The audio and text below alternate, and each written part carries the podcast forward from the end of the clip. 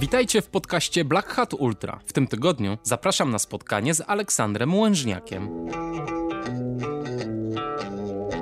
Nie będę ukrywał, że odczuwam aktualnie taką satysfakcję wewnętrzną, że udało się jakby przetrzeć szlaki w Polsce i wprowadzić coś nowego. Całkiem możliwe, że dzięki temu, że było to autentyczne, czyli coś, co przeżyłem, chciałem się tym podzielić i dlatego to wyszło.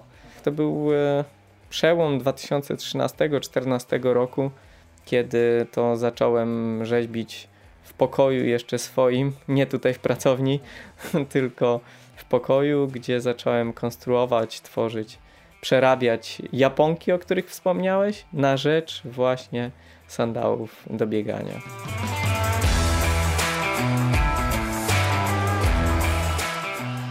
To był Aleksander Łężniak. Ja nazywam się Kamil Dąbkowski i witam Was w podcaście Black Hat Ultra.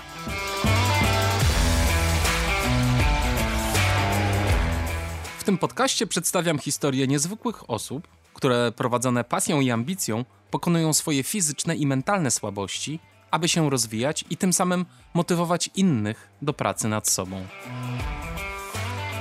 Aleksander jest gościem, który nie boi się spełniać swoich marzeń wymyślił i zbudował od zera markę Monk Sandals, która jest jedną z najbardziej rozpoznawalnych na naszym rynku.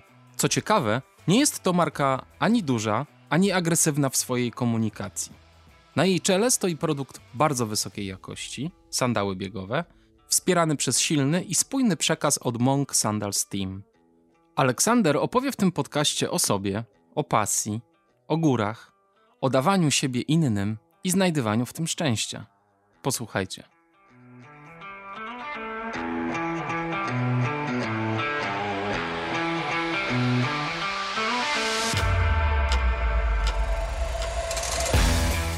Cześć Olek, witam cię serdecznie. Cześć, witaj. Co pijemy, powiedz mi? Najlepszy napój, jaki istnieje, czyli yerba mate. Ale jaki to jest brand i w ogóle jaki smak? Bardzo fajne to jest. Dzisiaj akurat pijemy Payarito Premium czyli lekko taki wędzony. Posmak troszkę mocniejsza, intensywniejsza, ale za to wyrazista i charakterystyczna. Bardzo, bardzo przyjemnie. Ostatnio robisz jakieś live na Instagramie, widziałem, które nazywają się też e, Yerba... Meet. Yerba Meet. Bardzo Ta. fajna nazwa. Tak, ruszyłem z taką inicjatywą. Chciałem się troszkę podzielić swoim warsztatem, miejscem, w którym pracuję, w którym tworzę. Mm, tak, żeby troszkę pokazać, co robię, jak robię, że nie jest to wielka fabryka, tylko jest to pasja i rzemiosło.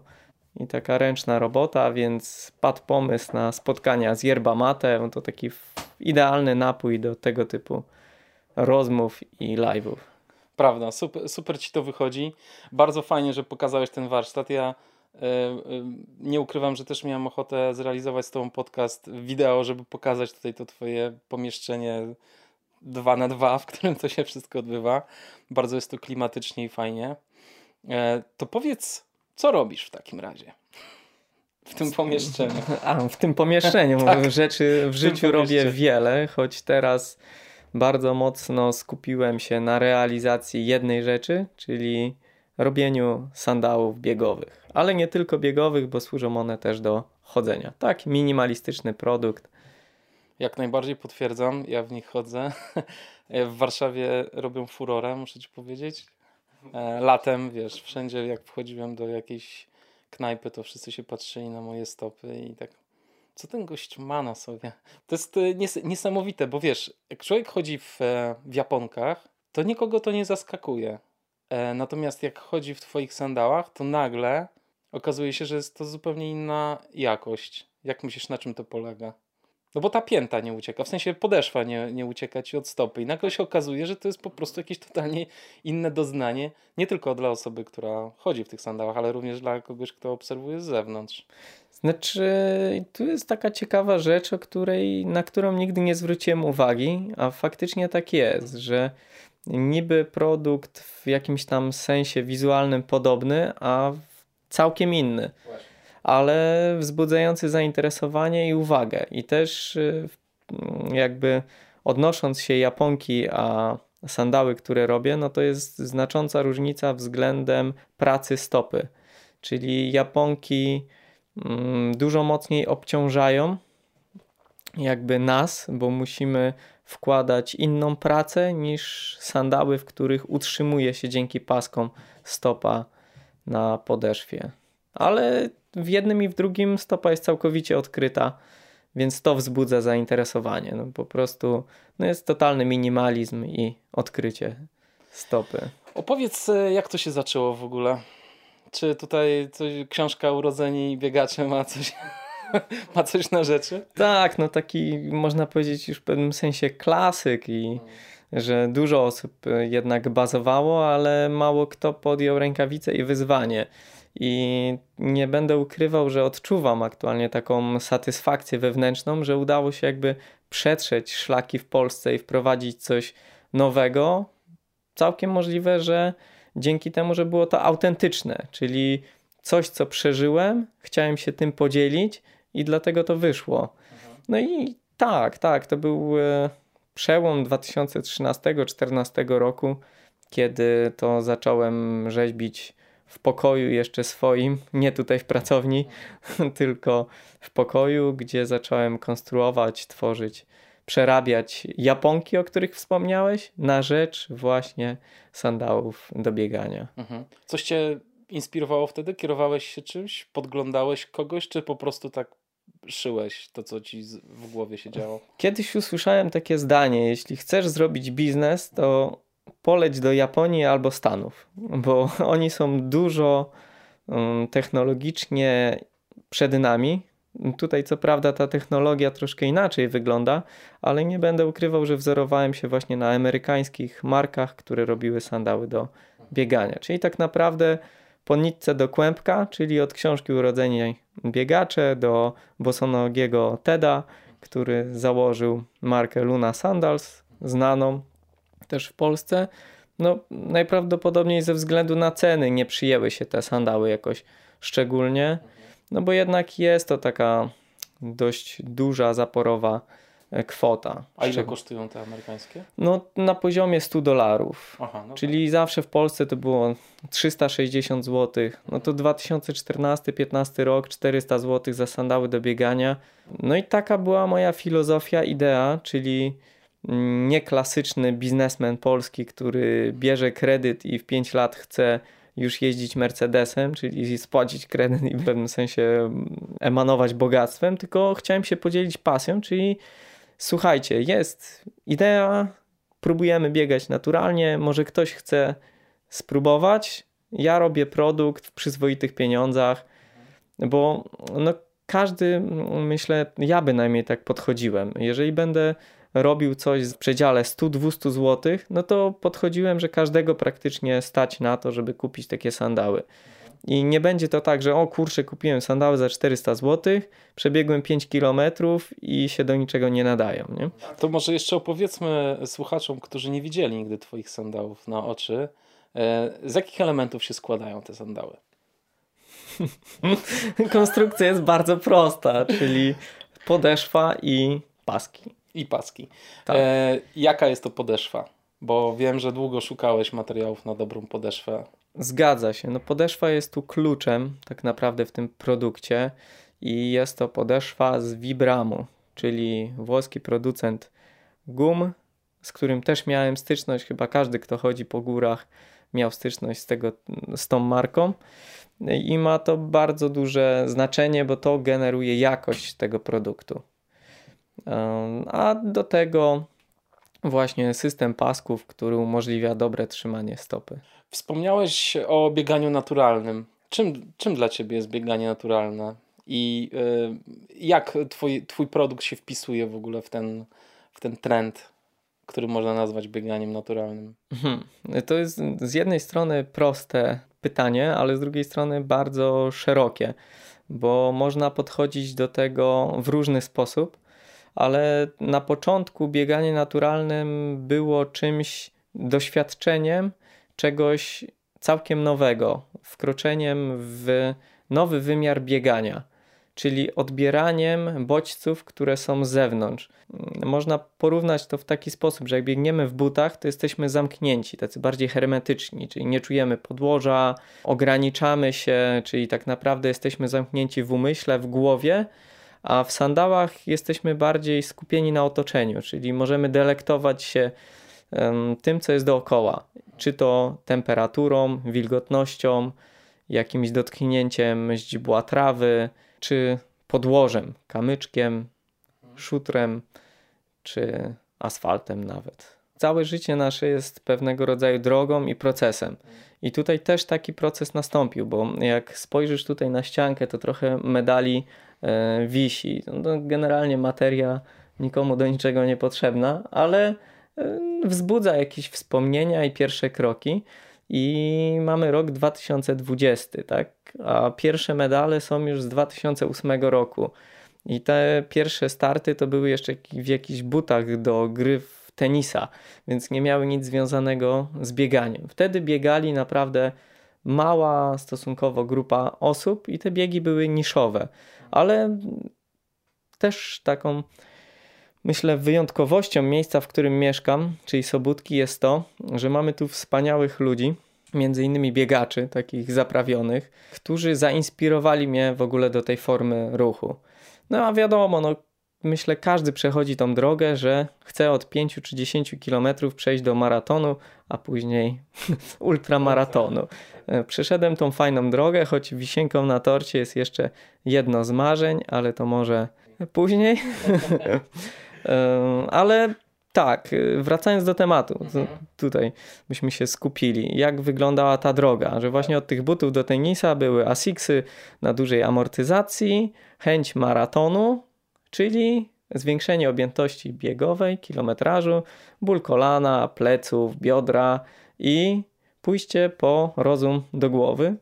I tak naprawdę spróbowanie czegoś nowego, czyli właśnie sandałów, mhm. które pokazały, jakie ja mam braki w sposobie poruszania się, tak? Czyli technika biegowa, wzmocnienie całego ciała, mięśni głębokich i poprawa wielu, wielu elementów. No właśnie, to jest ciekawe, bo y, z jednej strony powiedziałeś, że bieganie w sandałach to jest y, inny rodzaj odczucia w ogóle biegu, a z drugiej strony to jest też o wiele trudniejsza forma biegania, prawda? Bardziej wymagająca od naszego organizmu i to jest też e, mniejsze poczucie bezpieczeństwa masz biegając w sandałach niż w regularnych butach, co zresztą pokazuje to, że nadal bardzo niewiele osób startuje w sandałach na przykład na zawodach. Nawet e, członkowie twojego teamu, możemy tu wspomnieć Darka Marka, jak ma, wiesz, zrobić wynik na 20 km, to pobiegnie w, w normalnym obuwiu. Wyjątkiem jest również James, który potrafi wystartować w biegu 240 km, z czego 130 zrobi w sandałach.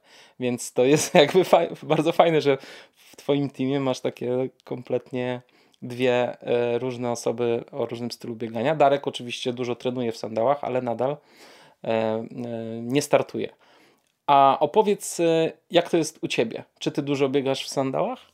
Znaczy powiem tak, że diabeł tkwi w szczegółach, mhm. jak we wszystkim, tak? Im wejdzie się na wyższy mm, poziom świadomości i umiejętności, to zaczyna się dostrzegać wiele elementów, o których wcześniej się nie myślało. I właśnie moim zdaniem i w moim odczuciu sandały są takim pierwszym elementem do przekroczenia pewnej granicy i wyjścia ze strefy komfortu. Bo nie da się ukryć, że buty dają nam pewien bufor bufor właśnie tego bezpieczeństwa, o którym powiedziałeś. I często też jesteśmy w stanie nadwyrężyć swoje ciało i organizm przez właśnie e, to sztuczne poczucie bezpieczeństwa, czyli przykładowo rozpoczynamy swoją drogę biegową i w sandałach zaczniemy od bardzo małych dystansów, bo będą nas po prostu łydki piekły, bolały. Natomiast buty wybaczają błędy. Sandały ich nie wybaczają. Więc e, nasze wszystkie nieścisłości związane z symetrią ciała od razu będą wyczuwalne. Dlatego mm, bo popłynąłem trochę, ale wracając do tematu, tak. w czym ja. Tak, czy ty biegasz biegam. w sandałach? Tak. I znowu to był proces i droga. która skończyła się na tym, że wziąłem się w cudzysłowie za trenowanie, a trenowanie zwiąże się z ćwiczeniami i elementami treningowymi. I no, trudno byłoby na przykład robić skipy, wieloskoki w sandałach, no na pewno nie będzie to komfortowe, tak? Tak samo jak robienie e, przebieżek, interwałów czy biegów ciągłych. Oczywiście da się, no wszystko się da, tak. tylko trzeba sobie odpowiedzieć na pytanie po co. Czyli dla mnie osobiście bieganie w sandałach jest delektowaniem się i przyjemnością i robię to systematycznie, ale nie codziennie, nie na każdym treningu. To, to wytłumacz jeszcze dlaczego e, w sandałach nie do końca się da trenować. Znaczy, trenować się da, bo to pokazuje Jamesik. tak, no robiąc tak, takie niesamowite. Wszystko mhm. chyba w sandałach. Większość. Tak, większość, większość. Ale na pewno wpływa to na dynamikę ruchu, na sposób odczuwania podłoża, na sposób pracy stopy, e, napięcia, które są generowane, mm, a tym samym też właśnie na obciążenia. E, bo wiadomo, że całkiem inne obciążenia są, kiedy biegniemy sobie tam 5 minut kilometr, a całkiem inne jak biegniemy po 3,30 czy 3,0. E, no tak. To prawda. No w sensie w sandałach nie da się aż takich y, prędkości rozwinąć, znaczy, tak? Też, znowu też się da, da się. Też się da. Ostatnio widziałem jakieś zdjęcie mm, kenijskiego biegacza, który w klapkach z gumką przebiegł maraton tam w 2,20. No, tak. no, ale... ale to są właśnie pojedyncze osoby, które są to mhm. w stanie robić, prawda? To jest, y, trochę mi to przypomina mm, temat związany z oddychaniem. Y, nie wiem, czy słyszałeś podcast z Marcinem Petrusem tak, tak. jakiś czas temu, mhm. prawda? Potem Potem słuchałem jeszcze podcastów Urogana też o oddychaniu i to jest niesamowite, że to jest zagadnienie, które jest bardzo dobrze udokumentowane przez naukę, a nadal bardzo niewiele osób to stosuje w życiu codziennym.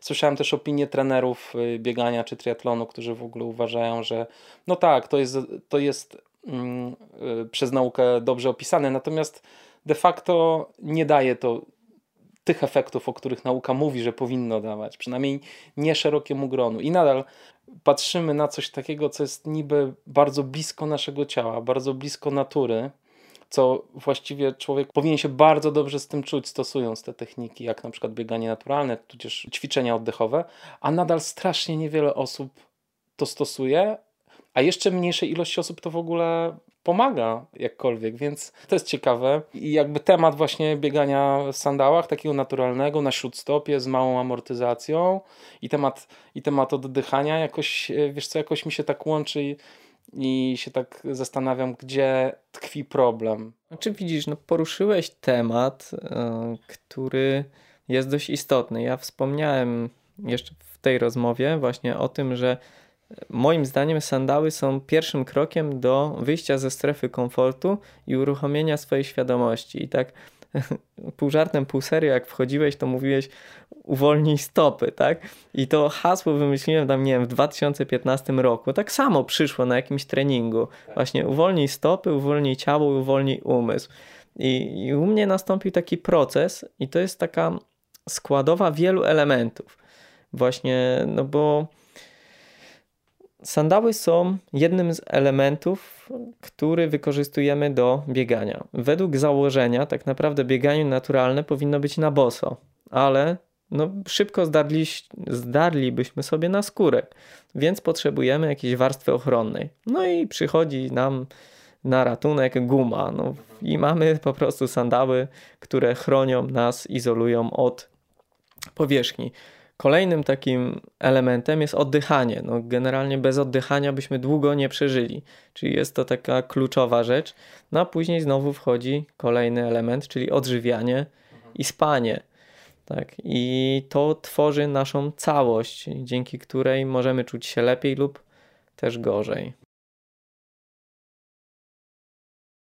Ty z odżywianiem też e, mocno eksperymentujesz i mhm. e, chyba też e, z tego co wiem jesteś człowiekiem, który odstawił mięso jakiś czas temu.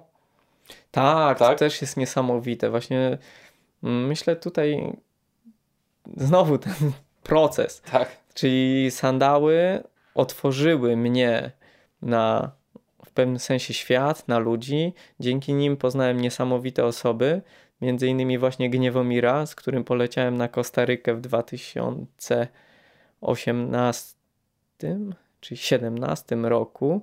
No i od tamtej pory nie mięsa, bo jestem człowiekiem, który ma otwartą głowę i szanuje drugą osobę. No i Gniewomir jest weganinem, można powiedzieć, z krwi i kości. I będąc z nim przez dwa tygodnie jadłem to samo co on. Bo byłem też ciekawy, chciałem zrobić eksperyment, jak będę się czuł. I powiem szczerze, nigdy nie czułem się tak dobrze. I też w znaczący sposób wpłynął na mnie, na mój sposób patrzenia na życie, na postrzeganie wszystkiego dookoła, że po prostu mięso i produkty zwierzęce poszły w niepamięć. Mhm.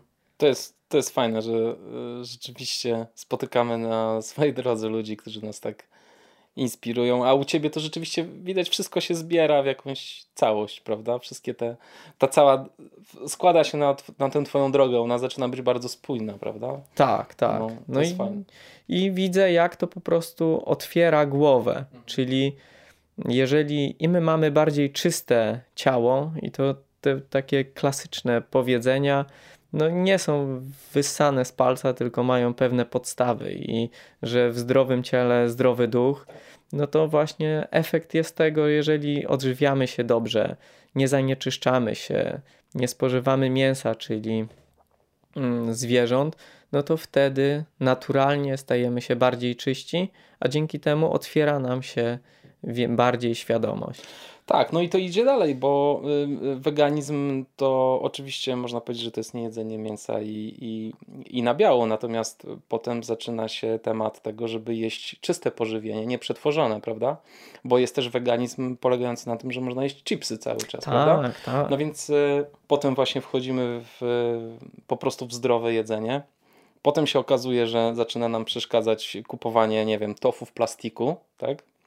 I zaczynamy kombinować, jak to obejść i może samemu robić to tofu, a może kupować w takich miejscach, gdzie ono jest e, po prostu przez kogoś robione w domu, a nie koniecznie w, gdzieś w sklepie, w sieciówce trzeba je kupować, albo może w ogóle inaczej pozyskiwać białko, wiesz, i tak dalej, i tak dalej.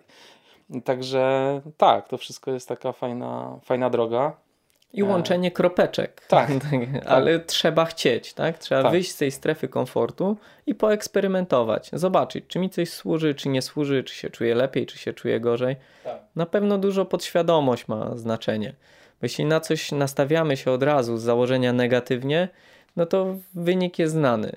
Ale jeżeli się na coś otwieramy i mówię, ok, próbuję, mhm. no to sami dochodzimy do jakichś wniosków i możemy później kombinować dalej. To prawda, ale też, e, też chyba w myśleniu o środowisku ma tutaj ogromny wpływ, prawda? To znaczy, jeżeli pobudzasz swoją świadomość e, jako osoba, ja jako ja, to potem bardzo szybko zaczynasz myśleć o tym, ok, ale ja nie jestem sam na tym świecie. Moje bycie tutaj ma też wpływ e, na innych ludzi, na świat. I zaczynasz po prostu myśleć też o środowisku, w którym żyjesz i o tym, jak ty odciskasz swoje piętno na tym środowisku, co nie? Dokładnie tak. Hmm. I myślę, że na tą świadomość tego e, w znaczący sposób wpływają podróże. Mhm. Czyli zobaczenie, jak to jest na drugim końcu świata. I myślę, bo tak od razu czasem tak jest, że jak o czymś mówimy, to od razu wpada jakaś myśl do głowy, czyli tak. gdzieś coś porusza się w ciele, co przypomniało o danej sytuacji. I tak od razu mi się przypomniał Ural polarny i nie zostawiania po sobie śladu. I no tam po prostu przestrzeń, przestrzeń natury i spotkanie lokalsów, którzy żyją w czumie, mają stado 2000 reniferów i no i tak naprawdę nie generują śmieci. Tam tak. tylko raz w tygodniu, załóżmy, schodzą do pociągu, żeby kupić chleb zawinięty w szmatce, mhm. tak? No i tam nie ma plastiku, nie ma śmieci, tam jest po prostu czystość. Ty sporo podróżowałeś, prawda? Znaczy, w, w dalszym ciągu mam wrażenie, jakbym nigdzie nie był. ale... A, a, ale jeśli wiesz, bierzemy pod uwagę przeciętnego mieszkańca Polski, to raczej troszeczkę odwiedziłeś miejsc. No troszkę ich było. Troszkę ich było. I e, powiedz, e, ty podróżujesz, e, co jest twoją motywacją? Poznanie jakiegoś kraju i ludzi, czy też na przykład dotarcie w konkretne miejsce albo zobaczenie, nie wiem, konkretnej góry albo konkretnego kościoła? Co ciebie, co ciebie inspiruje do podróży? Znaczy, wszystko zależy od celu, jaki sobie postawimy, no i te formy wyjazdu miały różne wymiary, ale zazwyczaj wiązały się z jakimś konkretem. Albo trekking, albo zdobywanie góry, a te elementy, o których wspomniałeś, wynikały same z siebie, czyli poznawanie ludzi, przebywanie z ludźmi e, i odnajdywanie się w otoczeniu, środowisku, w którym się znajdowaliśmy. Jak te, jak te podróże y, na ciebie wpłynęły? Gdzie, gdzie się, wszędzie się dobrze czułeś? Czy na przykład mógłbyś powiedzieć, że, e, że są jakieś miejsca, do których nie musisz wracać? Hmm, ale mm, bardzo dobre pytanie to jest. Myślę, że każde miejsce ma coś w sobie wyjątkowego i specyficznego, jednak są miejsca, które zostawiają taki ślad na długo. Na pewno też y, specyfika tych wyjazdów ma bardzo duże znaczenie na to, że one zostaną ze mną do końca życia. Czyli tak naprawdę emocje, adrenalina to bardzo, bardzo mocno wpływa na zakorzenienie w nas. I co w tobie siedzi najmocniej z Twoich podróży? Czy potrafiłbyś jakiś jeden taki wyjazd przytoczyć, czy to jest raczej składowa różnych. Znaczy jednego wyjazdu nie byłbym w stanie. Każdy był wyjątkowy i inny na swój sposób. Chociaż myślę, no, jednak my jako Polacy wywodzimy się z takiej, myślę, w pewnym sensie specyficznej grupy i nie wiem jak ty, ale mnie zawsze pasjonowały i interesowały Himalaje i nasza ta czołówka świta wysokogórska i też czytałem wiele tych książek, zawsze mnie to pasjonowało. Jeszcze ten festiwal w Lądku Zdrój, który się odbywa, festiwal filmów górskich. No to po prostu już teraz mi ciarki przeszły, jak o tym myślę. I, I to było tak, że załóżmy, byłem tam, słuchałem tych ludzi, to nie było tak, że o fajnie, ktoś tam przeżył historię i, i wychodzę i zapominam, tylko kurczę, ja też tak bym chciał, nie? chciałbym to spróbować, chciałbym tam być, jak to jest. Nie? No i, i, i tak właśnie to, o czym mówiliśmy, pewna droga, proces. Spotkałem się kiedyś po latach z kolegą, w którym siedziałem w ławce w gimnazjum i robiliśmy takie dziwne, odjechane rzeczy, totalnie po bandzie i po prostu bezkosztowo, bo często wydaje nam się, że potrzebne są duże środki, żeby zrobić coś szalonego. A okazuje się, że można naprawdę zrobić niesamowite rzeczy, nie mając kapitału. Można. Trzeba mieć tylko trochę wolnego czasu i wolną głowę. Fantazji. to przede wszystkim. Tak, nie, no to, to prawda. Dlatego tu są te emocje, tak? tak. Bo to myślę, chociażby takie dwie, dwa skrajne miejsca, tak? Alpy, Mont Blanc zimą, kurczę, to, to jak o tym myślę... Byłeś cud, na górze? Tak? Cud, że ja żyję. No właśnie, tak sobie myślę. Nie, no to, to, to jest w ogóle skandal i nie powinno się o tym mówić, Dobrze, ale... to nie mówmy. Bo tam nie, nie, jedna, nie jeden szalony młodzieniec nie wrócił z Mont Blanc zimą, prawda? No, tak, tak, ale zrobiliśmy to, zrobiliśmy to i, i to było niesamowite przeżycie i na pewno zostanie ze mną do końca życia, bo momentu wejścia na szczyt się nie zapomina. No po prostu to był no to był 2012 rok. Przełom właśnie po Sylwestrze, 2 stycznia weszliśmy na szczyt. No to jest po prostu płacz, taka euforia i, i to, to się czuje. No to, to, to nie ma tak, żeby to znikło. Mm, I tam wiele bardzo czynników się wydarzyło, takich, które miały nam pokazać pewne rzeczy ale no, nie poszliśmy chyba jakoś do końca po do głowy, bo nasze ambicje się na tym nie zatrzymały. No i taką puentą chyba wszystkiego był wyjazd do Kirgistanu na e, kultowy pik Lenina.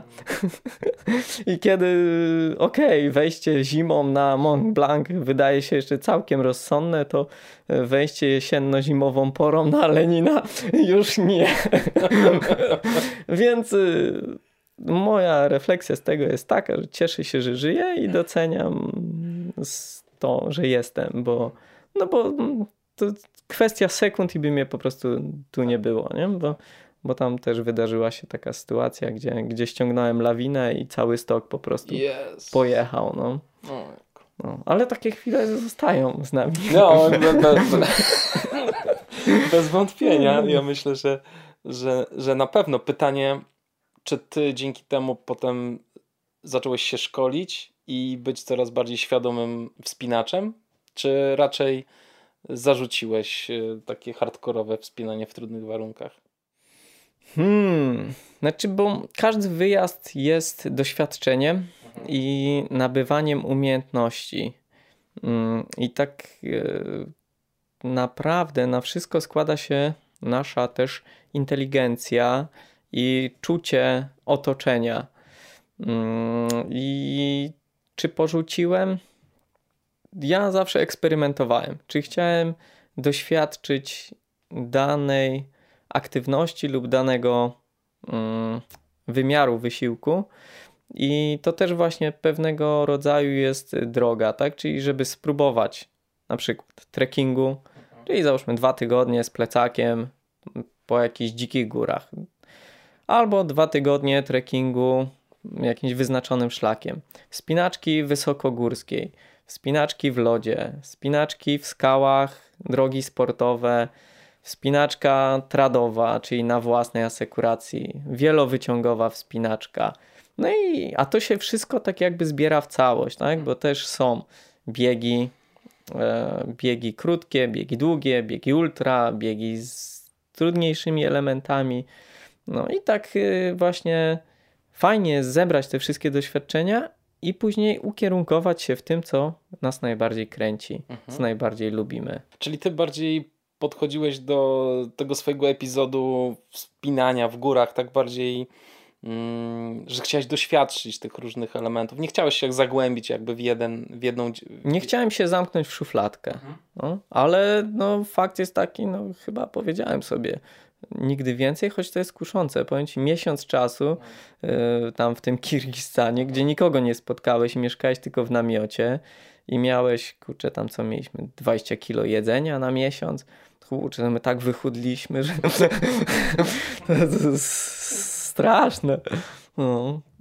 To takie, ale takie doświadczenia cię budują, bo wtedy widzisz to, w jakim żyjesz dobrobycie, że możesz pójść i coś kupić, coś zjeść, a tam jesteś zdany na siebie, jest tylko was dwóch i podpisujesz oświadczenie, że nikt po ciebie nie przyjdzie nikt cię nie uratuje, nie?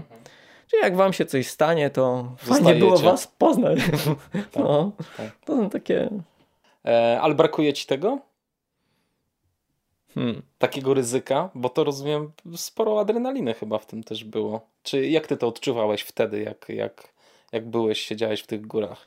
Znaczy, mm, adrenaliny chyba nie. Właśnie to, tego się tak nie odczuwa. To jest, to jest taki stan, że żyje się chwilą, że tam jest faktycznie takie tu i teraz, tak? Tak. Czyli budzisz się rano, spada na ciebie ten cholerny szlo, szron z tropiku i od razu śpiwór robi się wilgotny. Jest minus 30, maksymalnie było minus 40.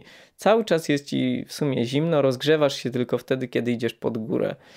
Jedyne o czym rozmawiasz ze swoim kumplem, to to e, tak naprawdę, gdzie jutro pójdziemy, co, gdzie uda nam się przenieść rzeczy, gdzie dotrzeć. Czyli tak naprawdę nie myślimy w ogóle o tym, co dzieje się na świecie, tylko skupiamy się na takim wąskim przedziale czasowym. Ustalamy taktykę, ta taktyka się zmienia. I to jest takie życie. Życie I- chwilą. Tak, Ale jest to gdzieś, było to niebezpieczne. Z punktu widzenia, jak siedzisz tutaj teraz i patrzysz na, na taką wyprawę, no to, to było trochę No ale niebezpieczne. panie, no, nie? słuchałem podcastów właśnie z Marcinem i, i to taki klasyk, który też przeżyłem, to, to, to, to tak jak mnie do krzyża przybili, jak wróciłem, to pierwsze co słyszałem, o nie udało wam się wejść. Nie? To, a ja byłem w, w pełnej euforii, że przeżyłem, że wróciłem, nie? że doszliśmy tam kurczę, nie wiem, na 4,5 tysiąca w tych w warunkach, gdzie normalnie człowiek były takie fragmenty, że płakałeś, bo nie mogłeś kroku zrobić, nie? Tak było ciężko. No, a przyjeżdżasz, ktoś mówi, Że że... wszedłeś. No, że nie wszedł. Co? Nie poszło wam, słabi jesteś. Mm. Tak, to jest ciekawe. Rzeczywiście. A samo dotarcie, żeby dojechać w te góry, to prawie tydzień czasu trzeba było. No tak, oczywiście. No. No jasne. No to jest, logistyka jest Ale gdzie, gdzie byliście wtedy? O której opowiadasz wyprawie? A to w Kirgistanie. Kirgistan akurat. akurat. No. Mhm. Ty jesteś e, bardzo ciekawą postacią, bo jesteś społecznikiem. Mieszkasz w Sobótce, tak jak powiedziałeś, i angażowałeś się tutaj w pracę w klubie sportowym. Dobrze, dobrze wiem? Dobrze mówię? Tak, tak. Też. I, I szkoliłeś dzieciaki w kolarstwie szosowym? Tak. Tak? Mhm. Ale oprócz tego też pełnisz tutaj różne funkcje, jako radny na przykład, czy... Na przykład. Tak? No, to jest super ciekawe. Opowiedz o tej części swojego życia. Bo... Sobótkowego. Mhm. Sobótkowego. No, Sobótka jest bardzo specyficzna, myślę, na mapie Polski. Są, jest tu wiele fenomenalnych rzeczy, począwszy od półmaratonu ślężeńskiego. Sobótka ma jako miasto 5000 mieszkańców, a w marcu co roku, no oprócz tego roku, na starcie półmaratonu staje około 5000 biegaczy, czyli jest ich tyle, co, co mieszkańców, więc nie lada są problemy logistyczne. Ale właśnie tego typu inicjatywy i ludzie, którzy tworzą tutaj atmosferę, którzy tutaj mieszkają, no też nie da się ukryć, że dwóch um, Twoich gości było z Sobótki. I, I to jest niesamowite i też jest mi bardzo miło, że mnie zaprosiłeś i odwiedziłeś. Cała przyjemność po mojej stronie. I właśnie człowiek inspiruje się tymi osobami i chce też doświadczyć czegoś. I tak zaczęła się właśnie między innymi droga. E, najpierw w klubie biegacza Sobótka, w którym byłem w zarządzie, teraz jestem jeszcze prezesem. To od półtora roku. E, potem właśnie przygoda w małej polityce, tak bym to nazwał, choć to jest samorząd. E, I w moim odczuciu nie jest to polityka, tylko praca na rzecz społeczności lokalnej i reprezentowanie też tej społeczności i pomoc tak naprawdę. Tak, drugą kadencję jestem w Radzie Miasta i Gminy Sobótka. Super. I e, jak ty na to patrzysz? Udaje ci się naprawdę coś konkretnego dla ludzi wywalczyć, załatwić? Znaczy, właśnie zawsze podchodziłem i dalej podchodzę w sposób taki, że jestem tam po to, żeby pracować na rzecz całokształtu, całej gminy, czyli żeby patrzeć globalnie, czyli nie walczyć o chodnik pod domem w cudzysłowie, tylko myśleć o mieszkańcach, załóżmy, którzy są nie wiem, na przykład z południowej części, którzy nie mają chodnika, którzy nie mają kanalizacji czy oświetlenia i podejmować w gronie całej grupy radych takie decyzje, które będą pomagały tym osobom, żeby mogły żyć na poziomie XXI wieku, tak bym to e, określił. Ale zawsze też wychodziłem z założenia, żeby robić to, co robię najlepiej, tak? Czyli jeżeli kocham sport, angażuję się w sporcie, to żeby na tej przestrzeni mm, odgrywać rolę, tak? Mhm. Czyli żeby pokazywać, bo to też jest śmieszne, my jako Polacy mamy taką tendencję do narzekania, marudzenia, że coś jest źle, niedobrze,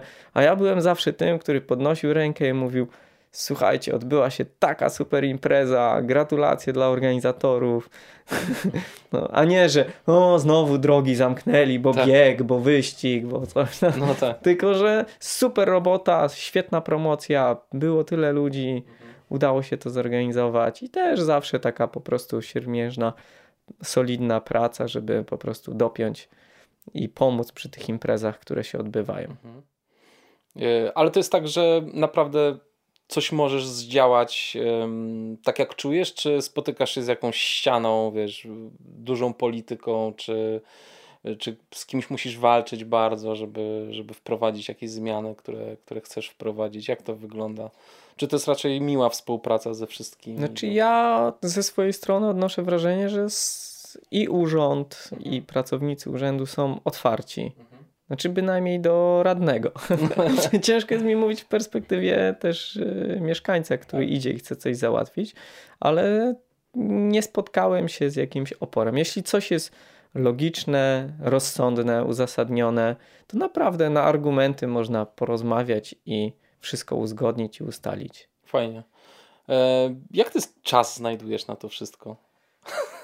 na sandały, na bieganie, na działalność społeczną? Znaczy, przyznam szczerze, że to w znaczący sposób ewaluowało i się zmieniło. Nie wiem czemu, ale Znaczy, wiem czemu. No bo po prostu jakby zmieniamy e, rzeczy, mamy wolny wybór i tak naprawdę swoją energię możemy pożytkować na dany kierunek, który sobie obierzemy. I wcześniej jakby był znaczący podział tych różnych ról. Teraz, no przyznam szczerze, troszkę się opuściłem społecznie, ale myślę, że wróci to, bo to jest taki bumerang, że chce się z powrotem człowiek angażować. No teraz moce w znaczący sposób poszły w Monk Sandals, e, ale troszkę zaczyna mi brakować tych spotkań, tych działań. E, teraz rozumiem, jak się sezon letni skończył, to pewnie troszeczkę też masz mniej pracy przy sandałach, tak? To, Jest, to jest taka dynamika trochę? Mhm. Dokładnie tak jest. No, se, w sezonie letnim jest y, to naprawdę wyzwanie logistyczne, tym bardziej, że robię to sam. Nie mam tu zespołu, sztabu ludzi, którymi dyryguję, tylko po prostu ręcznie dziubię i staram się sprostać. No właśnie, opowiedzmy o tym, bo to jest moim zdaniem bardzo ciekawy motyw, że ty starasz się e, wszystko wykonywać własnymi siłami bądź e, z rodzicami mhm. i e, troszeczkę się wzbraniasz przed skalowaniem tego biznesu, pomimo że mm, masz bardzo dużo zamówień nie tylko z Polski, ale, ale też z Europy, prawda? I, i mógłbyś produkt masz tak świetny, że mógłbyś spokojnie to skalować, ale celowo jakby tego nie robisz. Opowiedz trochę dlaczego. Bo zależy mi na jakości mm, i tak naprawdę wkładaniu dobrej energii. No nie wiem, odczuwam, znaczy albo odnoszę takie wrażenie, że to, co dajemy od siebie, to wraca do nas i właśnie ja nad każdą parą sandałów mm, wkładam w nią serce i za zawsze wychodzę z takiego założenia, że nie skupiam się na pieniądzach, tak? Czyli jeżeli ktoś do mnie dzwoni i mówi, a wie pan, bo wyjeżdżam gdzieś tam, to ja pytam, a gdzie pan wyjeżdża, co pan będzie robił? Kurczę, ale fajnie, też bym sobie pojechał. Mówię, no dobra, no kurczę, no nie mam czasu, ale no zrobię. No ale nie po to, żeby się wzbogacić, tylko żeby ten tak. człowiek mógł wykorzystać ten produkt, nie? żeby tak. uszczęśliwić kogoś. Nie? Tak. I tak często kosztem siebie uszczęśliwiam innych. No tak, ale to jest trochę ten przepływ energii, o którym mówisz, prawda? Że tak. to jest tak, że uszczęśliwiając kogoś, uszczęśliwiasz siebie tak naprawdę, bo to Dokładnie. prędzej czy później do ciebie wróci. Dokładnie tak. Ale rzeczywiście pieniądze tutaj nie mogą być wtedy motywacją, bo czar pryska. Zgadza się. No. no. i dla mnie to jest takie niesamowite. Mam takich klientów i bardzo doceniam. Jestem wdzięczny tym pierwszym osobom, które mi zaufały, które kupiły mój produkt, bo teraz z perspektywy czasu wiem, że nie był doskonały. Było dużo do popracowania nad nim, e, ale dzięki nim udało mi się rozwinąć, bo oni mi zaufali i najlepsze jest to, że wracają do mnie cały czas. I, I ostatnio też się wzruszyłem czytając maila właśnie od jednego z klienta, że jest zachwycony, już ma tam którąś parę. I, i pamiętam tych klientów. Może robię sporo tych produktów, ale wzrokowo mam dobrą pamięć taką wzrokową i pamiętam nazwiska i kojarzę. Więc jak ktoś się odzywa do mnie, to od razu już wiem. Fajnie. A opowiedz y, jeszcze słowo o teamie swoim, bo jest dosyć charakterystyczny. I powiedz, y, jak wpadłeś w ogóle na pomysł stworzenia tego teamu? Czy to wynikało z tego, że chciałeś mieć po prostu team, który będzie promował sandały, czy to, czy to po prostu w jakiś sposób totalnie naturalny i organiczny się wydarzyło? Hmm, czy naturalny, organiczny? Bardziej patrzyłbym z perspektywy takiej, że mm, kochałem sport, uwielbiałem i dalej to uwielbiam.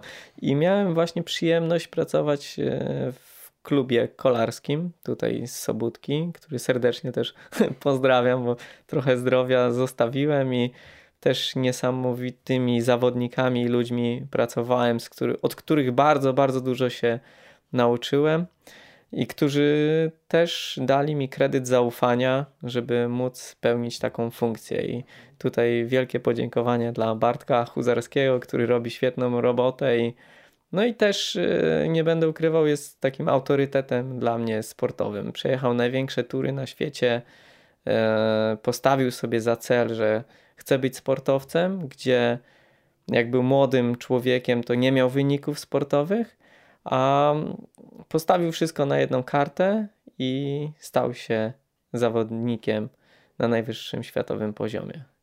To jest niesamowite. No i spotkanie takich ludzi pokazuje, że właśnie dzięki sportowi można dojść do fajnych rzeczy i poukładać sobie życie. I właśnie wracając do tematu, Tak. team. Tak. Praca w klubie kolarskim przedstawiła mi formę, jak wygląda mm, profesjonalna obsługa, profesjonalne podejście do sportu, czyli piękna otoczka, stroje, wszyscy jednakowe ubrania, zgrupowania, treningi. To mnie bardzo mi się to podobało, ten taki profesjonalizm, te wyjazdy. E, I w moim odczuciu na podwórku biegowym w Polsce było i jest trochę tak, że mamy mnóstwo mm, biegaczy amatorów. Wszyscy są ubrani w jednakowe koszulki biegowe, ale brakuje takiego profesjonalizmu. E, Jest tylko tam parę teamów, które potrafią właśnie wspólnie pojechać na zawody, które potrafią pojechać na zgrupowanie, którzy mają takie zaplecze. I moim marzeniem stało się to, żeby na tyle rozwinąć swoją firmę, czyli Monk Sandals, żeby stworzyć bufor finansowy na profesjonalną drużynę biegową Monk Sandals Team, w którym zawodnik jest zawodnikiem, czyli ma zaplecze, yy, które jest narzędziem do rozwoju. Mhm. Czyli, że de facto ty, bo co rozumiesz przez to, że, że zawodnik jakby ma dostęp do obuwia, do stroju, że do pakietów startowych, tak? Tak. I że ty to zapewniasz. Mhm. Znaczy, taka jest droga. Na razie, no wiadomo, no nie jestem wielką firmą i też nie chciałbym skończyć jak e, świętej pamięci Artur e, Heiser, który miał e, firmę Alpinus, która przeinwestowała w wyjazdy wysokogórskie e, w Himalaje i po prostu no, zbankrutowała i później powstał High Mountain, bo był niesamowicie e, mądrym człowiekiem i poukładanym, który potrafił właśnie rozwijać biznes, więc też kalkuluję i szacuję, żeby nie przeinwestować, ale żeby tworzyć nową jakość, żebyśmy e, byli widoczni na tej arenie biegowej. No też wiadomo, my dzielimy się pasją i mamy jakby kierunek mm, pokazywania, mm, uświadamiania, pokazywania, że można inaczej. No właśnie, bo twój team jest szalenie spójny, nie tylko jeśli chodzi o stroje, Mhm. e, ale mm, również jeśli chodzi właśnie o przekaz.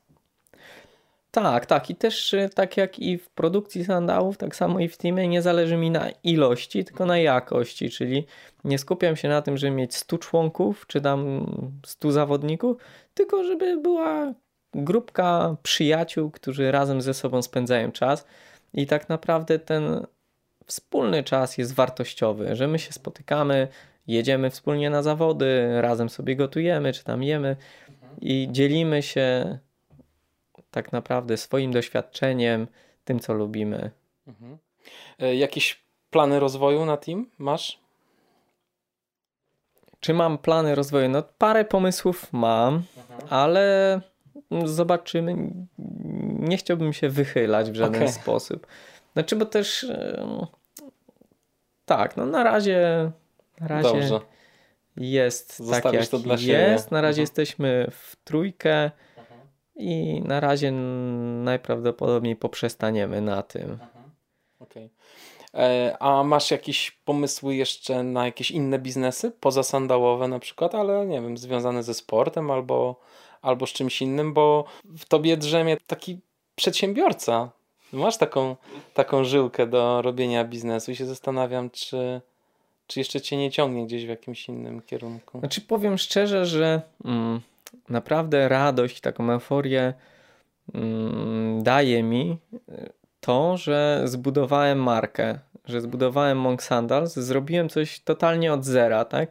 I to takie, no, znowu jakby taki śmieszny e, cytat, że od zera do milionera, milionera jeszcze nie, milionerem jeszcze nie jestem, ale Wiesz co? ale nie mówię nie. E, I tak naprawdę mm, właśnie budowanie marki daje bardzo dużo radości. I już czuję, że udało się coś fajnego zbudować i chciałbym to jak najbardziej kontynuować i widzę, że jakby rynek się też otwiera na, na świadomość, na bieganie naturalne, na me medycynę naturalną. Tak naprawdę, żeby ten Monk Sandal stał się też trochę taką filozofią, filozofią na, na życie, na szukanie spokoju, na szukanie swojej drogi i na właśnie ten pierwszy element wejścia w świadome życie. A z takich marzeń to ostatnio myślałem o tym, że fajnie było zbudować jeszcze jakąś nową markę od, od zera, że co, to jest takie niesamowite. Znaczy, bo dlaczego o tym mówię? Bo dużo osób się ze mnie śmiało, nie? A, wymyślił sobie jakieś sandały robi. Co w ogóle robi? Mhm. Na etat by do pracy poszedł, a nie. Zajął się czymś poważnym, poważnym no, i pożytecznym. A nie gościu jakieś sandały robi. No nie, no, no i i tak ja byłem zawzięty w tym, za, zaparłem się i udało się naprawdę coś niesamowitego e, zbudować. I może też trochę apetyt rośnie w miarę jedzenia i fajnie by było coś nowego wdrożyć. Mhm. Ale nie opowiesz, co by to mogło być. Zostawiasz to dla siebie no, jeszcze. Znaczy, na razie nie ma jeszcze nic takiego mm, całkiem nowego, ale na pewno będę podążał, myślę, nad kierunkiem wejścia troszkę w nietypową, typowo nietypową odzież. Mhm. Czyli żeby stworzyć jakby taki trochę nurt e, wpasowujący się w właśnie filozofię sandałów. Fajnie. Tak powiedziałeś o tym, że nie jesteś milionerem, ale e, powiem ci, że sam fakt rzeczywiście, że ty stworzyłeś brand, wymyśliłeś go i jesteś w stanie się utrzymać z tego, to jest po prostu jakby czego chcieć więcej, nie? To jest niesamowite. No to prawda, dlatego no. tutaj mówiliśmy o tej, cały czas odnoszę się do tej drogi, prawda? Tak. I, I były różne etapy, nie? No bo nie da się ukryć, no nie zapomnę chwil, kiedy załóżmy szedłem na nockę do pracy, żeby zarobić na metki, nie? Albo właśnie musiałem dorabiać w jednym miejscu, drugim, trzecim, żeby po prostu dopiąć pewne tematy. Nie? I to tak, taki był proces cały czas, że właśnie przewinęła się i dalej jest, załóżmy, praca w gminie, tak? No bo też jakby udało mi się zebrać duże doświadczenie, mam perspektywę szerszą trochę patrzenia. I tak samo klub kolarski, w którym też mogłem e, realizować swoją pasję sportową, mhm. rozwijać siebie, no i też zarobić jakieś środki więc tak e, w międzyczasie przewijało się trochę tych rzeczy. A opowiedz trochę o swoim bieganiu, bo ty też, e, to też długa droga była twoja, bo teraz biegasz na przykład krótkie dystanse, a biegałeś e, dłuższe, biegałeś już tam stówki i tak dalej, wróciłeś do krótszych dystansów. Jak to w ogóle u ciebie ewoluowało? Twoja przygoda z bieganiem? Czy bo to jest tak, że człowiek jednak się trochę nakręca i dopóki nie zbuduje w sobie poczucia własnej wartości, zaakceptowania siebie, pokochania wręcz siebie, to cały czas szuka. Mamy ten problem w ogóle, że od czasów e, podstawówki czy szkoły jesteśmy oceniani. I to w znaczący sposób wpływa na naszą wartość i na to, że chcemy się porównywać z innymi. I często jest tak, że szukamy jakiejś furtki.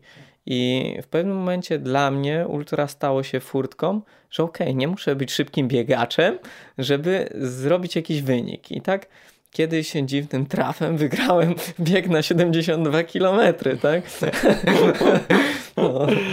I, I to gdzieś mnie tak pociągnęło, ale nie mhm. da się ukryć, że właśnie biegi ultra no mają w sobie magię i mają. kurczę, wraca jak bumerang czasem. Mają. Myślę o tym, y, bo to jest przeżycie, to jest duże przeżycie. To jest przygoda, nie? Ja to trochę porównuję do tych wysokich gór, mhm. tylko że w sposób bezpieczny to się odbywa, tak? Czyli masz bardzo duży wysiłek, czyli w te 100 km przeżywasz normalne 2-3 dni, ale jest to bezpieczne, tak? Bo możesz zadzwonić po pomoc, ktoś cię ściągnie z trasy i tak dalej.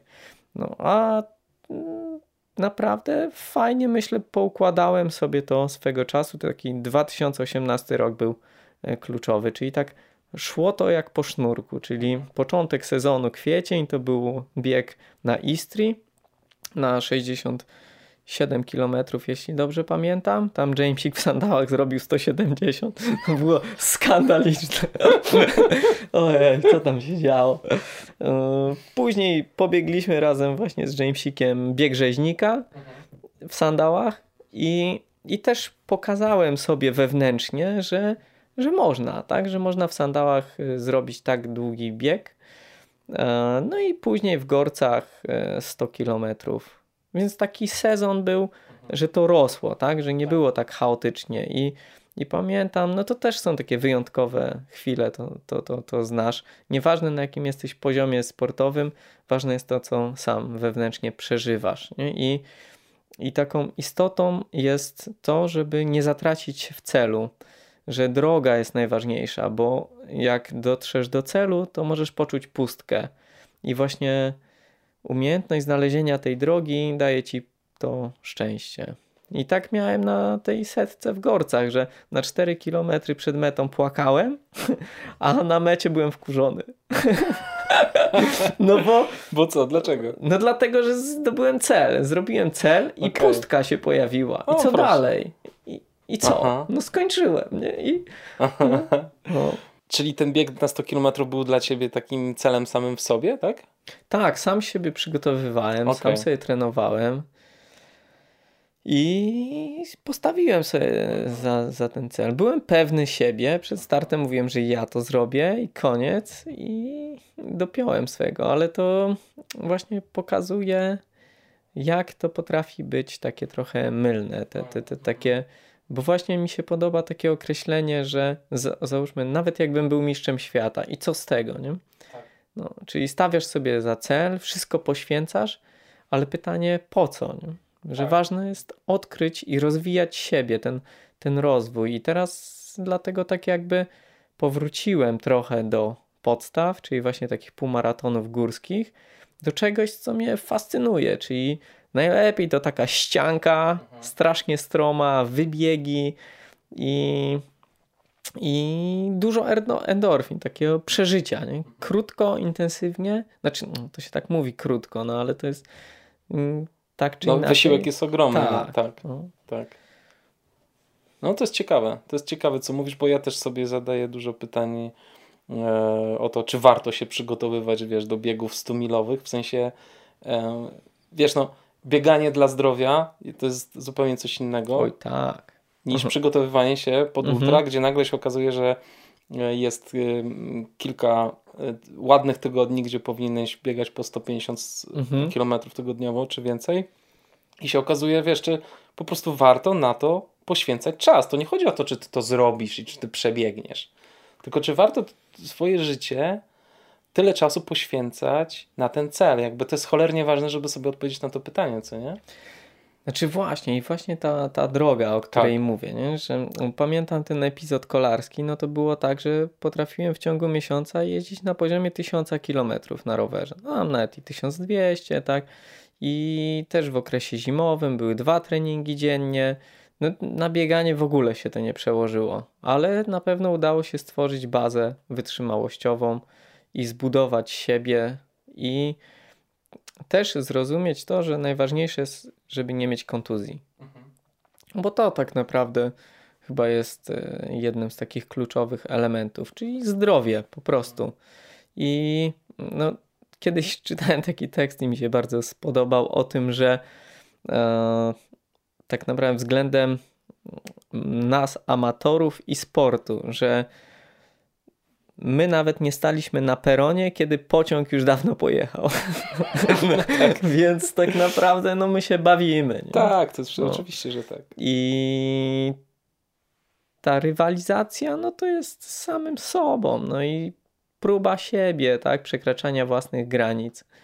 No i teraz warto też sobie odpowiedzieć, co cię bardziej tam buduje, co cię niszczy, co ci daje do myślenia, a co nie.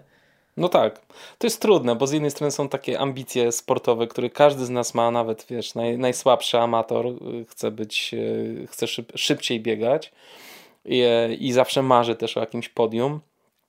Mm, I, I to jest właśnie takie, to jest, to jest trudne właśnie. Każdy, który ma w sobie taką żyłkę do rywalizacji, e, ciężko jest mu odpuścić tak po prostu i zdecydować, ok, to teraz będę biegał ultra, bo tam się nie liczy czas. No to jest, to jest e, trudne, nie? Tak, Trudne. tak. I umiejętność wyjścia z tego właśnie kociołka porównywania się, nie? Czyli tak. właśnie, że wiesz, yy, nieważne jaki miałem wynik, ale załóżmy, czuję satysfakcję, że udało mi się wybiec tą górę. Tak. Albo, że udało mi się fajnie z niej zbiec.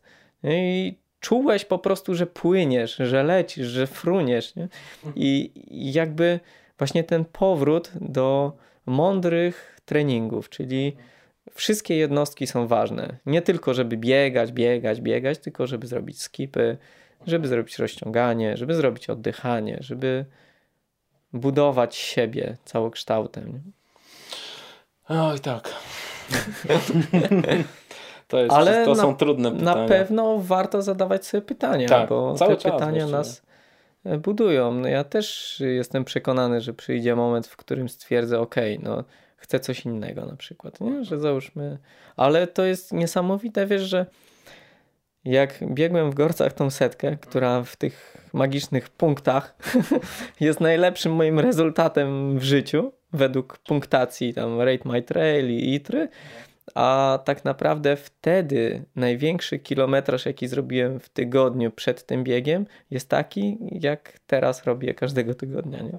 No i z takiego małego kilometrażu udało mi się zrobić taki fajny czas. Nie? Też kolejna kwestia właśnie takich setek, ile jesteśmy w stanie przebiec y, w roku, żeby nie zrobić sobie krzywdy, a półmaratonów. Nie? I że bardzo szybko dochodzisz do siebie po półmaratonie.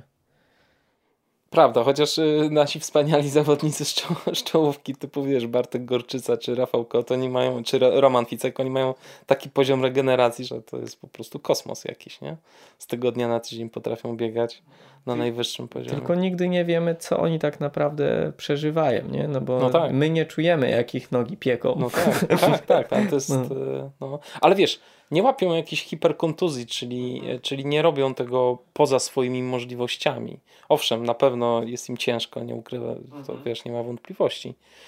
E, I, I na przykład przykład Bartka Gorczycy pokazuje, że potrafi zejść z trasy już jak czuje, że jest za dużo, co zrobił na ostatnim Wawrzyńcu, prawda? Tak, bardzo e, mądre. To jest Bar doświadczenie. Bardzo mądra decyzja, tak, mhm. bardzo mądra. Ale dla mnie właśnie największy jest podziw dla tych y, naszych tutaj elitarnych zawodników, że potrafią startować mało, nie? że trenują piekielnie dużo i mogliby co tydzień jeździć i wygrywać, ale po co? No tak. że faktycznie tą wisienką na torcie jest start z elitą światową.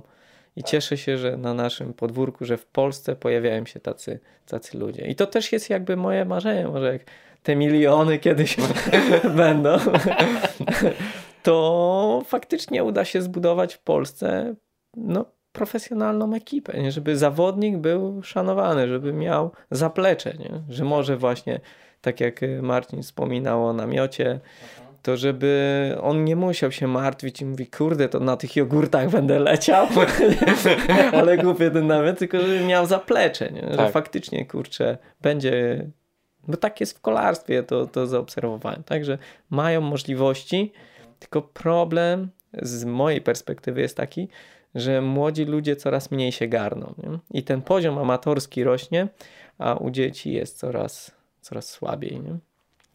No i tu jest nasza też rola dorosłych ludzi, czyli żeby nie ścigać się między sobą, tylko edukować młodzież. Nie?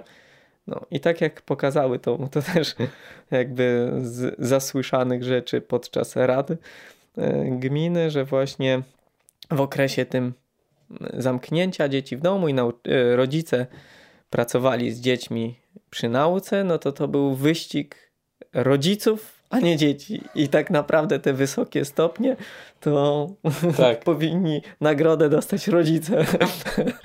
no. Twoje marzenia biegowe w tej chwili, czy też cele, czy na przykład masz ochotę, nie wiem, wyskoczyć gdzieś do Włoch na jakiś ostry skyrunning, skoro powiedziałeś, że lubisz tak bardzo ostro pod górę biegać, to e, masz, nie wiem, może jakąś imprezę, którą chciałbyś powiedzieć znaczy, na świecie? Marzenia są, bo bez marzeń no, to byłoby trudno funkcjonować. Od razu dwa cytaty mi się znowu przypomniały. Jeden to też świętej pamięci Tomka Mackiewicza, e, czyli zimowego zdobywcy Nanga Parbat, który w swojej książce napisał właśnie, że jeśli masz marzenia, które cię nie przerażają, to znaczy, że masz słabe marzenia.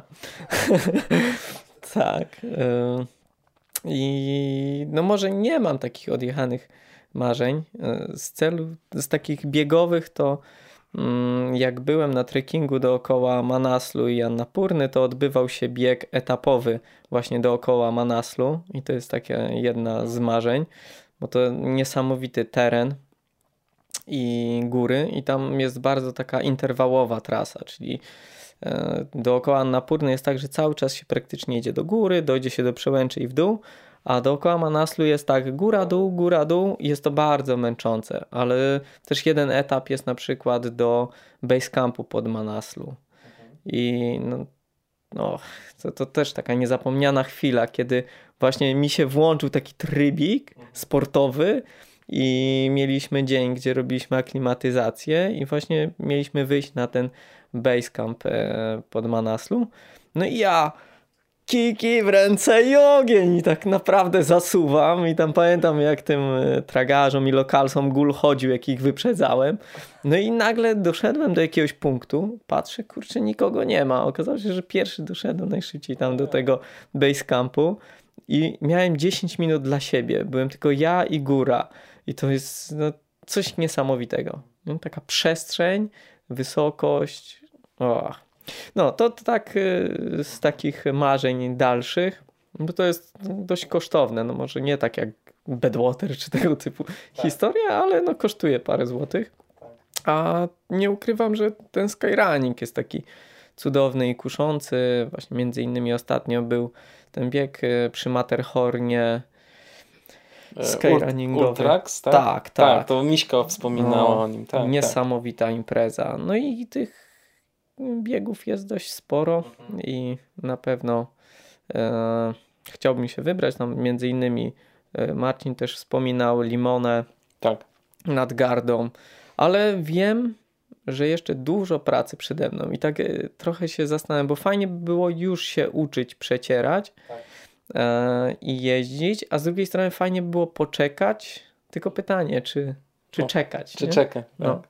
No bo czy to, warto? Mhm. No, czy, czy już próbować sobie i, i, i, i tam przetrzeć się mhm. na tych trasach. A co cię powstrzymuje?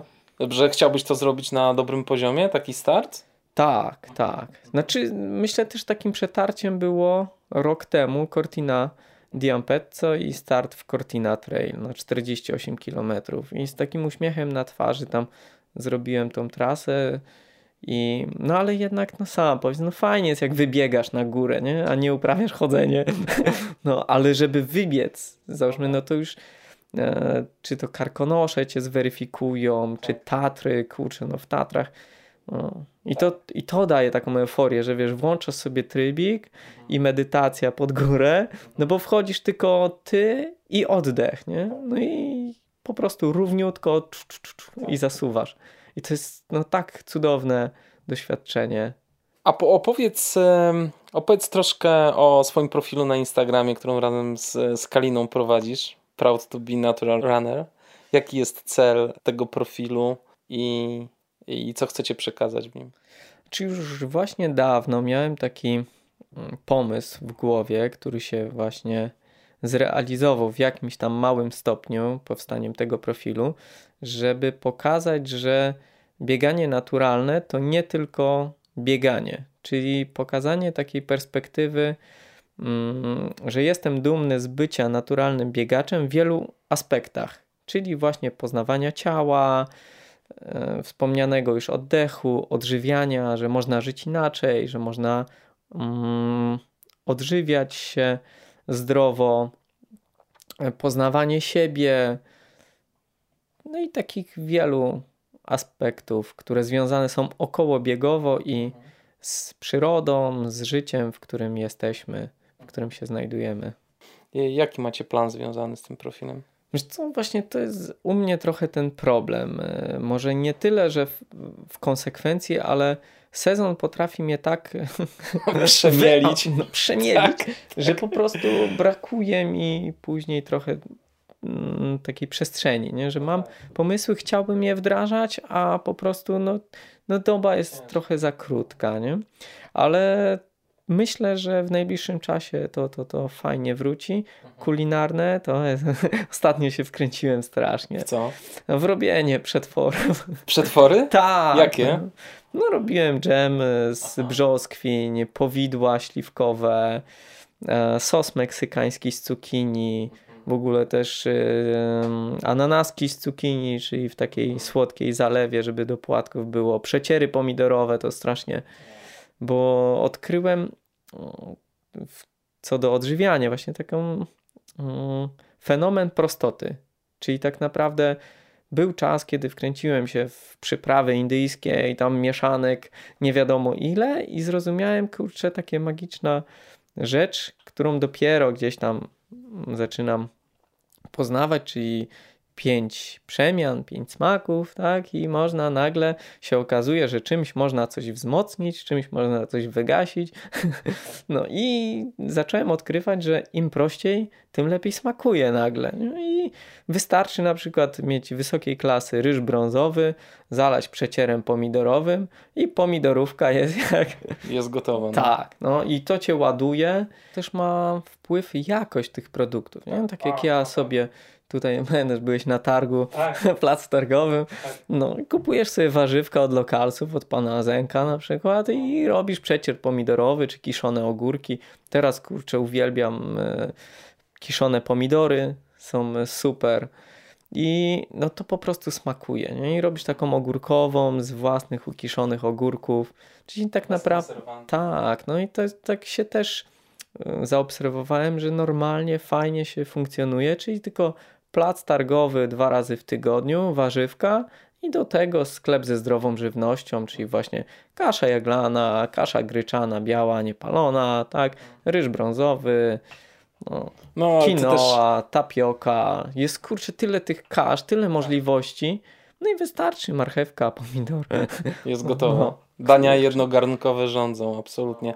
Ty masz fajnie, kurczę, bo z tym bazarkiem, ja ci strasznie zazdroszczę. Powiem ci, że w Warszawie tego typu bazarek jest od razu dwa razy droższy niż tutaj i to jest masakra. No. Choć tak uważam, że ceny no, są takie wygórowane, no. że jakby trochę, no, może element e, powołania się na ową pandemię tak. spowodował tak. nagły przyrost cen. A, proszę, no. to ciekawe tak takie wykorzystanie trochę Aha. sytuacji, chwili. A. Może tak.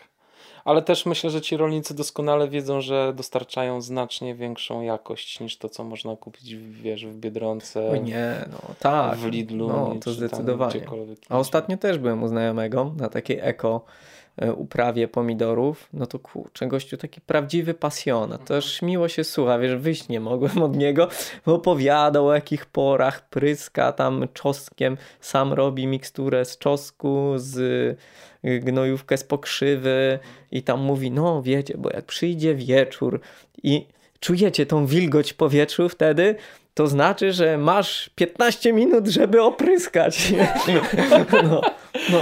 To niezły świt. I wiesz, kurczę, kupujesz od takiego gościa pomidora, tak. jesz go i on jest tak intensywny, tak smaczny, on żyje po prostu. Wspaniałe, nie? wspaniałe. No. Ale słuchaj, y, musisz się przepisem na przetwory y, podzielić i techniką, bo powiem ci, że ja też bym bardzo chętnie spróbował. Tak? No, ja mam za sobą doświadczenia y, nieudane, więc. Aha. Znaczy ja właśnie bazuję i bardzo jestem wdzięczny swoim rodzicom, że dzielą się tymi klasykami. Ja wprowadzam tutaj jakieś indyjskie, czy kicheri, tak. czy, czy, różne tam dale, a oni pokazują mi proste, klasyczne mhm. e, przepisy na sprawdzone przetwory, które no, smakują. Fajnie, no to koniecznie, bo tam wiesz, pogadaj z Kaliną i wrzućcie coś na, na profil fajnego. No, ja. E, Olek, dziękuję Ci bardzo za rozmowę. Dziękuję. Było strasznie miło. Chcesz coś, do, chcesz coś dodać jeszcze ważnego dla Ciebie? O hmm. czym mo mogliśmy nie powiedzieć? Znaczy, myślę, że poruszyliśmy bardzo dużo tematów. Można mhm. było rozmawiać godzinami. No tak, w takim, no. w miłym towarzystwie zawsze czas szybko płynie. A też myślę, że nie ma co przesadzać, może zawsze zostawić lekki taki niedosyt. Coś na swoje live'y zostaw. Tak, tak. Tam, tam masz duże, dużo, duże pole do dzielenia się swoją wiedzą i doświadczeniem, które jest niemałe i bardzo fajnie było usłyszeć od Ciebie to wszystko. Dzięki Ci serdeczne. Dziękuję bardzo. Pozdrawiam, trzymaj się. Cześć. Cześć.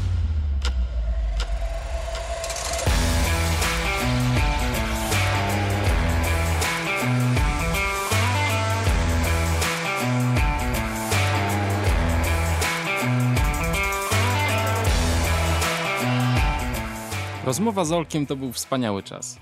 Jedno z tych nielicznych nagrań, które zostało poprzedzone wcześniejszym poznaniem mojego gościa. Dało się to odczuć? Potem miałem okazję poznać jego cudowną mamę i zjeść przepyszne knedle ze śliwkami. Rozmawialiśmy dużo. Zadziwiła mnie jej otwartość i chęć poznawania świata.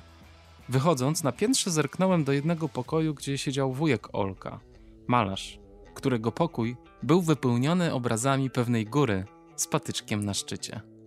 Wyjątkowy dom.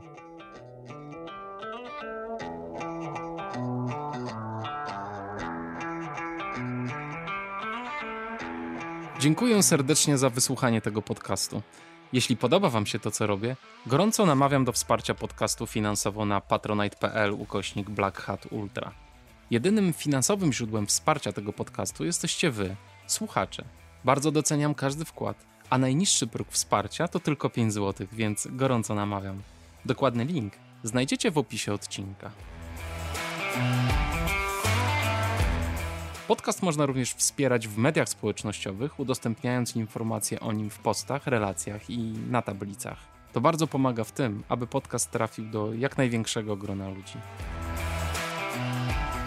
W tej chwili podcast na Patronite wspiera już 90 osób, ale chciałbym wymienić tutaj nazwiska tych, których wkład jest największy.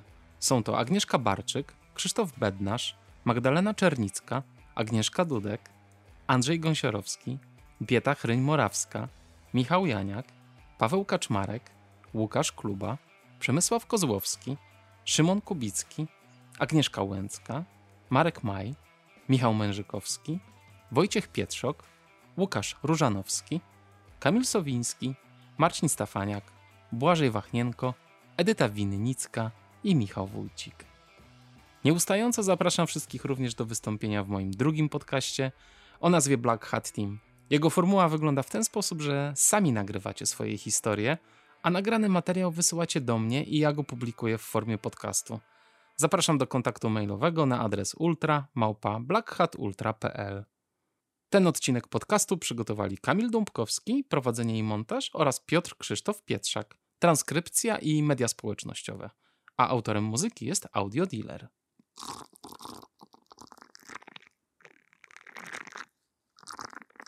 W tej rozmowie Oleg wielokrotnie wspominał o tym, że życie to droga, proces, zmiana. Zrozumienie tego mechanizmu pozwala żyć spokojniej. Świadomość, że wszystko mija, daje nam tak bardzo potrzebny dystans. Sytuacje, zarówno dobre, jak i złe, przychodzą i odchodzą. Ludzie i emocje przychodzą i odchodzą. Jeśli coś lub ktoś zostaje dłużej w naszym życiu, to można zaobserwować, jak się zmienia zarówno sam obiekt, jak i nasz stosunek do niego. Świadoma obserwacja siebie i otoczenia daje nam szansę na to, aby nigdy się nie zatrzymać i zawsze poszukiwać lepszej wersji siebie. Męczące? Życie w żadnej formie nie lubi stagnacji na dłuższą metę. Co innego zatrzymać się, by odpocząć. Co innego zatrzymać się i zostać w tym stanie, licząc na to, że świat zatrzyma się razem z nami. W oderwaniu od zmiany nie przeżywamy życia takim, jakie jest. Żyjemy w głowie, w wyobrażeniach o przeszłości lub przyszłości. A życie toczy się tu i teraz. Dlatego zatrzymajcie się na chwilę i weźcie trzy spokojne, głębokie oddechy. Wciągnijcie powoli powietrze i wypuśćcie ustami.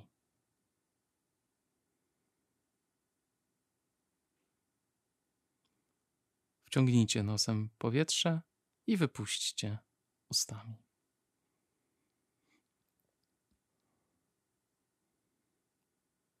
Wciągnijcie nosem powietrze i wypuśćcie ustami.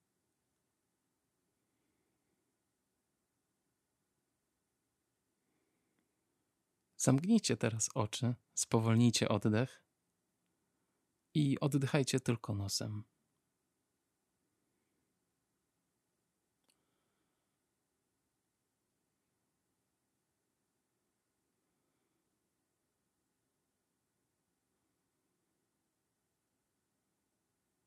Skupcie się teraz tylko na oddechu, na powietrzu, które wchodzi i wychodzi z waszych nozdrzy.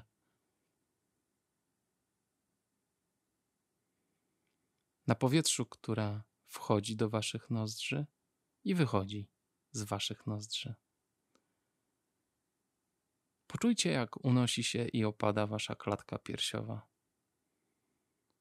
Zaobserwujcie najdrobniejsze sygnały w ciele jakie jesteście w stanie zaobserwować.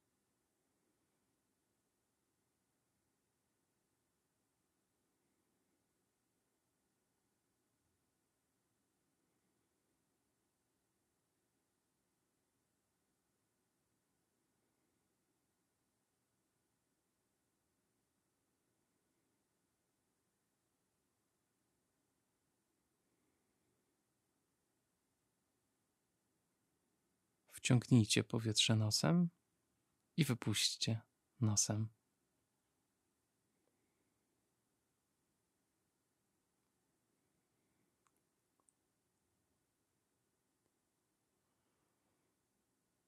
Co odczuwacie, gdy oddychacie w ten sposób?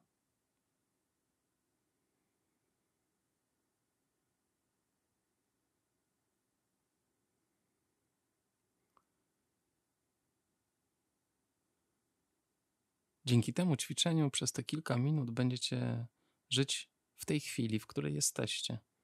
Nic innego tak naprawdę nie istnieje. Tu i teraz żyjecie życiem takim, jakie jest naprawdę. Zostawię Wam jeszcze kilka minut ciszy na ćwiczenie i się żegnam z Wami. Wykorzystajcie tę chwilę jak chcecie. Buźka.